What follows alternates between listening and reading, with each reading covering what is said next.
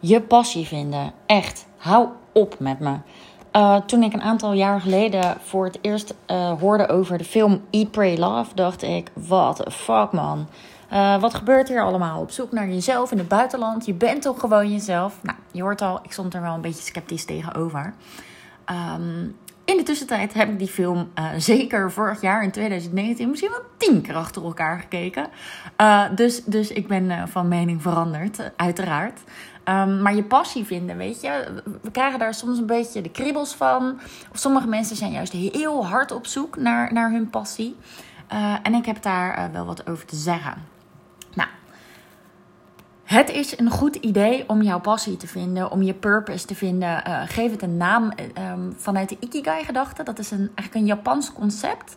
Uh, waarbij Ikigai zoveel betekent als datgene waarvoor jij echt iedere ochtend je bed uitkomt. Nou, dat is een combinatie van je passie, je missie, je roeping en, en, en, en, wat je kan eigenlijk. Um, je talenten. En het is echt een goed idee om daar toch in het leven wat aandacht aan te schenken. En waarom? Omdat je anders maar wat doet.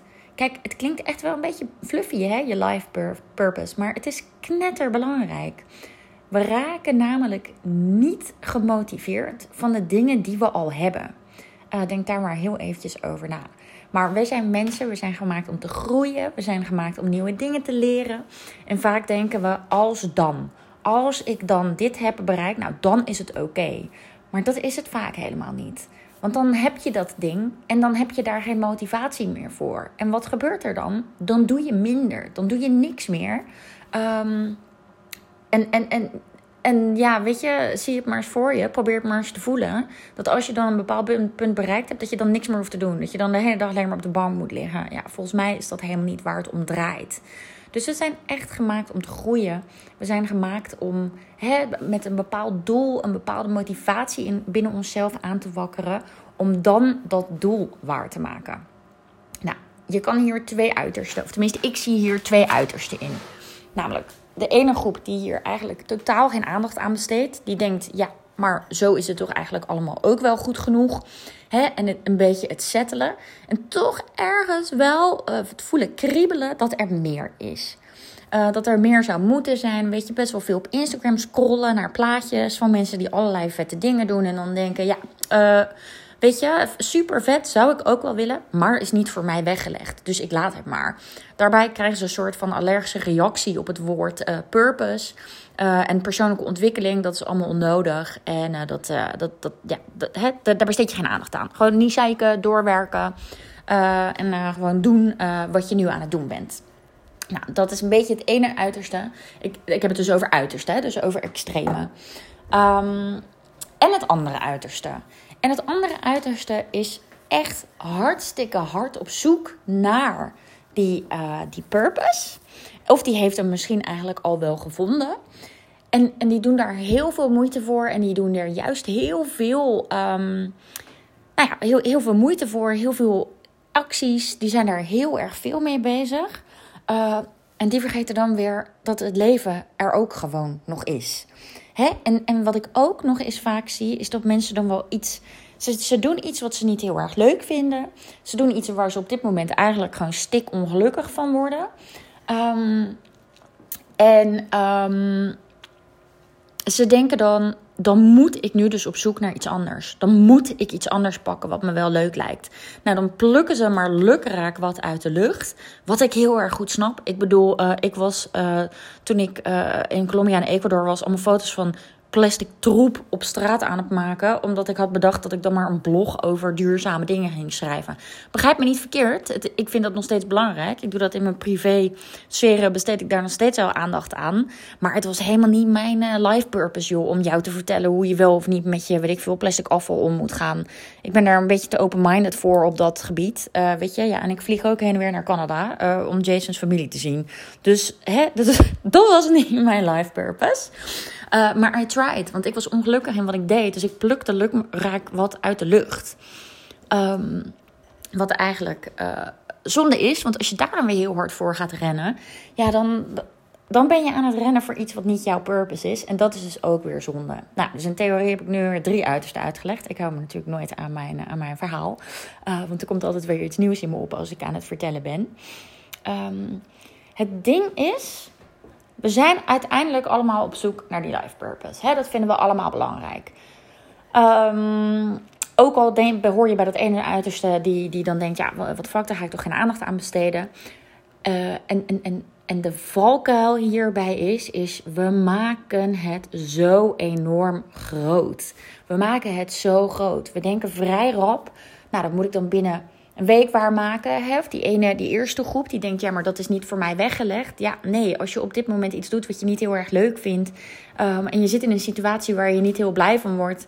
En je denkt, oh, maar ik uh, zie mensen in hun uh, vanlife lijden. En dat wil ik dan ook, maar dat is voor mij niet weggelegd. Ja, waarschijnlijk gaat het je morgen niet lukken, weet je wel. Omdat je hebt gewoon wat tijd nodig. Er gaat een procesje aan vooraf. Eerst om sowieso te kijken of dat nou wel helemaal jouw ding is. Hè? Dus om het een beetje te proberen, om er een beetje mee te experimenteren. En vervolgens moet je natuurlijk een aantal dingen in gang zetten. En dan heb je, een aantal, heb je een aantal doelen die gaan bijdragen aan deze grote droom.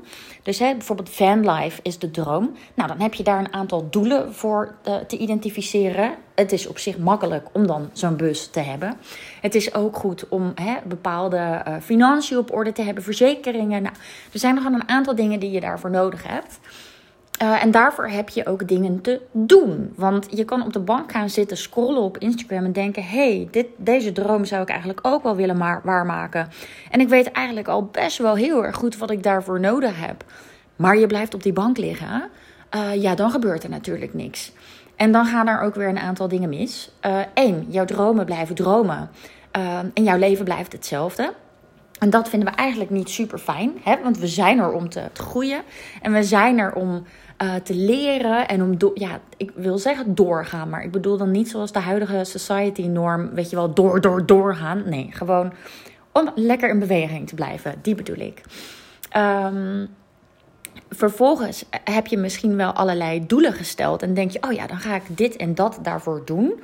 En maak je het misschien heel erg groot en doe je het weer niet. Nou, en wat er dan gebeurt, uh, dat is. Oh, dat vind ik altijd zo nasty. En dat zie ik bij zoveel mensen om me heen gebeuren. En natuurlijk heb ik daar ook nog wel eens last van. Je stelt bepaalde acties op. Je stelt een bepaalde to-do-lijst op. Je plant het onrealistisch in. Je maakt het veel te groot. En uh, je, je voert je acties niet uit. En wat er dan gebeurt is: zie je nou wel, ik kan dit niet. Zie je nou wel, dit is niet voor mij weggelegd. Zie je nou wel, ik heb de discipline er niet voor. En basically, als jij een plan of een to-do-lijst maakt en je houdt je niet aan je eigen gemaakte plannen, acties, to-do-lijsten, whatever, dan verlies je al je zelfvertrouwen. En dat is, oh man, ik vind dat zo shit om te zien. En ik, ik word daar, uh, nou ja, emotioneel, nee, ik ben er heel erg passievol over. Want ik was een uh, ik was iemand met best wel wat zelfvertrouwen. Ik wist waar ik goed in was. Hè, ik stond lekker in het leven en ik was overal van aan het genieten met zelfvertrouwen. Ik was helemaal niet zoveel aan het twijfelen. Behalve over um, wanneer ga ik iets anders doen. Want daar kon ik geen beslissing over maken. Maar ik bleef daar zo lang in doorgaan. En ik maakte wel allerlei plannen. Maar dat waren dan weer de dingen die net niet bij me pasten. En ik kwam het dan weer niet na. En, uh, en, en ik begon dus ook mijn eigen to-do-lijsten. Daar begon ik, uh, ja, weet je, I, wasn't showing up for myself anymore. Ik was ze niet aan het waarmaken. En ik verloor heel veel zelfvertrouwen. En wat dat uiteindelijk met mij deed, was dat ik hier op de bank lag en bang was dat mijn vrienden mijn vrienden niet meer wilden zijn. Ach, jeetje, je, Jezus, jeetje en Jezus. Ik maak er een combinatie van. Um, en dat vond ik zo heftig. Dat vond ik zulke zware negatieve emoties. Want ik ben een mensenmens, man. Weet je, ik, ik, ik hou van mijn familie. Ik hou van mijn vrienden. Die noem ik gekozen familie. Uh, ik vind het heerlijk om, om, om met hun tijd te besteden. En opeens lag ik op de bank onzeker te zijn over mijn rol in de vriendengroep die ik heb. En of dat ze nog wel vrienden met me wilden zijn. Dit was uh, rondom mijn burn-out periode uiteraard. En achteraf vond ik dat eigenlijk, ja, ik vond het gewoon echt heel erg sneu voor mezelf. Dacht ik, oh mop, wat ellendig moet jij je hebben gevoeld. Nou, ik wist dat, ik voelde me toen natuurlijk heel erg ellendig. Maar ik zat er toen middenin, dus ik kon er niet vanaf een afstandje naar kijken. En dat kan ik nu natuurlijk heel erg goed. Uh, en dat zelfvertrouwen verliezen, dat is echt dat is echt funest gewoon voor om je plannen waar te maken. Want je hebt plannen. Waarschijnlijk zijn dat plannen die een beetje van het gebaande pad afgaan, weet je. En als ik het over het gebaande pad heb, dan heb ik het over... ehm, nou ja, je, je, gaat naar school, je gaat naar de unie, je kiest een baan uit die daarbij past en je, en je doet dat gewoon. En, ehm, en, je volgt gewoon de massa, weet je.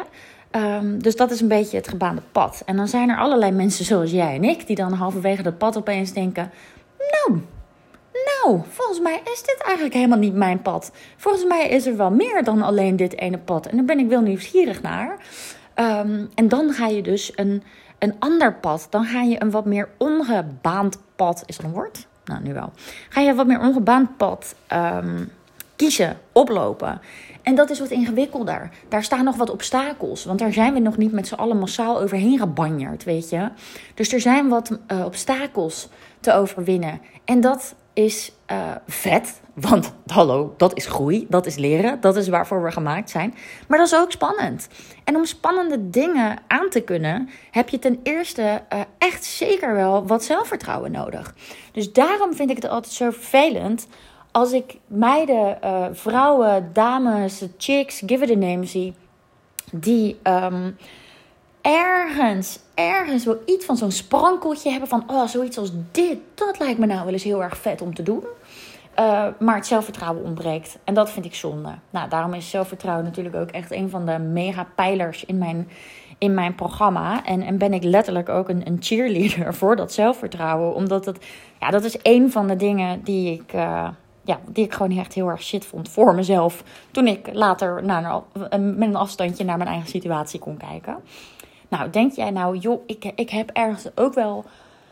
Ergens, als ik heel erg bewust ben van mezelf en van de dingen die ik wil, dan heb ik misschien wel een vaag idee. Uh, misschien wil je wel ondernemer worden, weet je. Misschien wil je ook wel die, die, die vrijheid en, en, en al dat leren en die persoonlijke ontwikkeling die gewoon gepaard gaat met het ondernemerschap of vanlight. Of, of misschien wil je wel iets heel anders. Heb je een bepaalde droomjob voor ogen. Het maakt eigenlijk niet zo heel veel uit. Maar heb je ergens nou het idee van... Oh, oh ik, ik, als ik er echt heel... Als, als er niks meer toe zou doen... Dan zou dat misschien wel eens iets kunnen zijn wat ik vet vind. Um, maar ja, eh, hoe, hoe maak ik het haalbaar? Weet je, dat is niet voor mij weggelegd.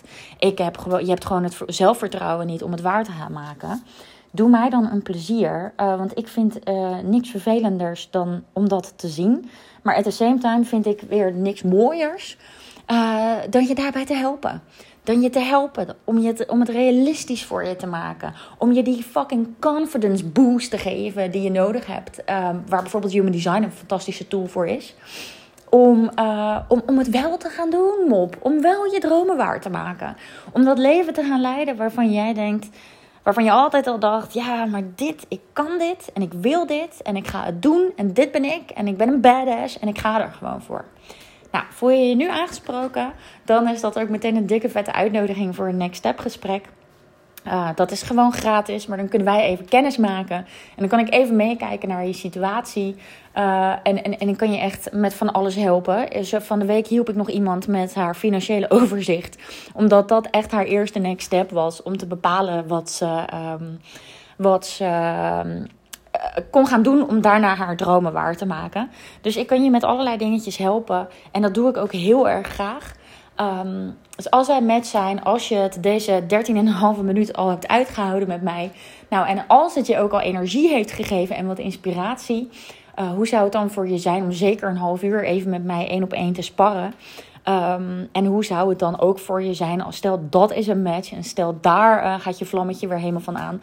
Hoe zou het dan voor je zijn om een paar maanden met mij uh, aan de slag te gaan. Met nieuwe energie, je dromen waarmaken, je doelen scherp stellen. Weet je, ik doe niet aan realistisch. Uh, want, want daar ben ik klaar mee, weet je. Droom gewoon en, en ga dat waarmaken. Maar ik doe wel aan praktisch. En als iets niet praktisch is, nou, dan fluit ik je ook zo terug.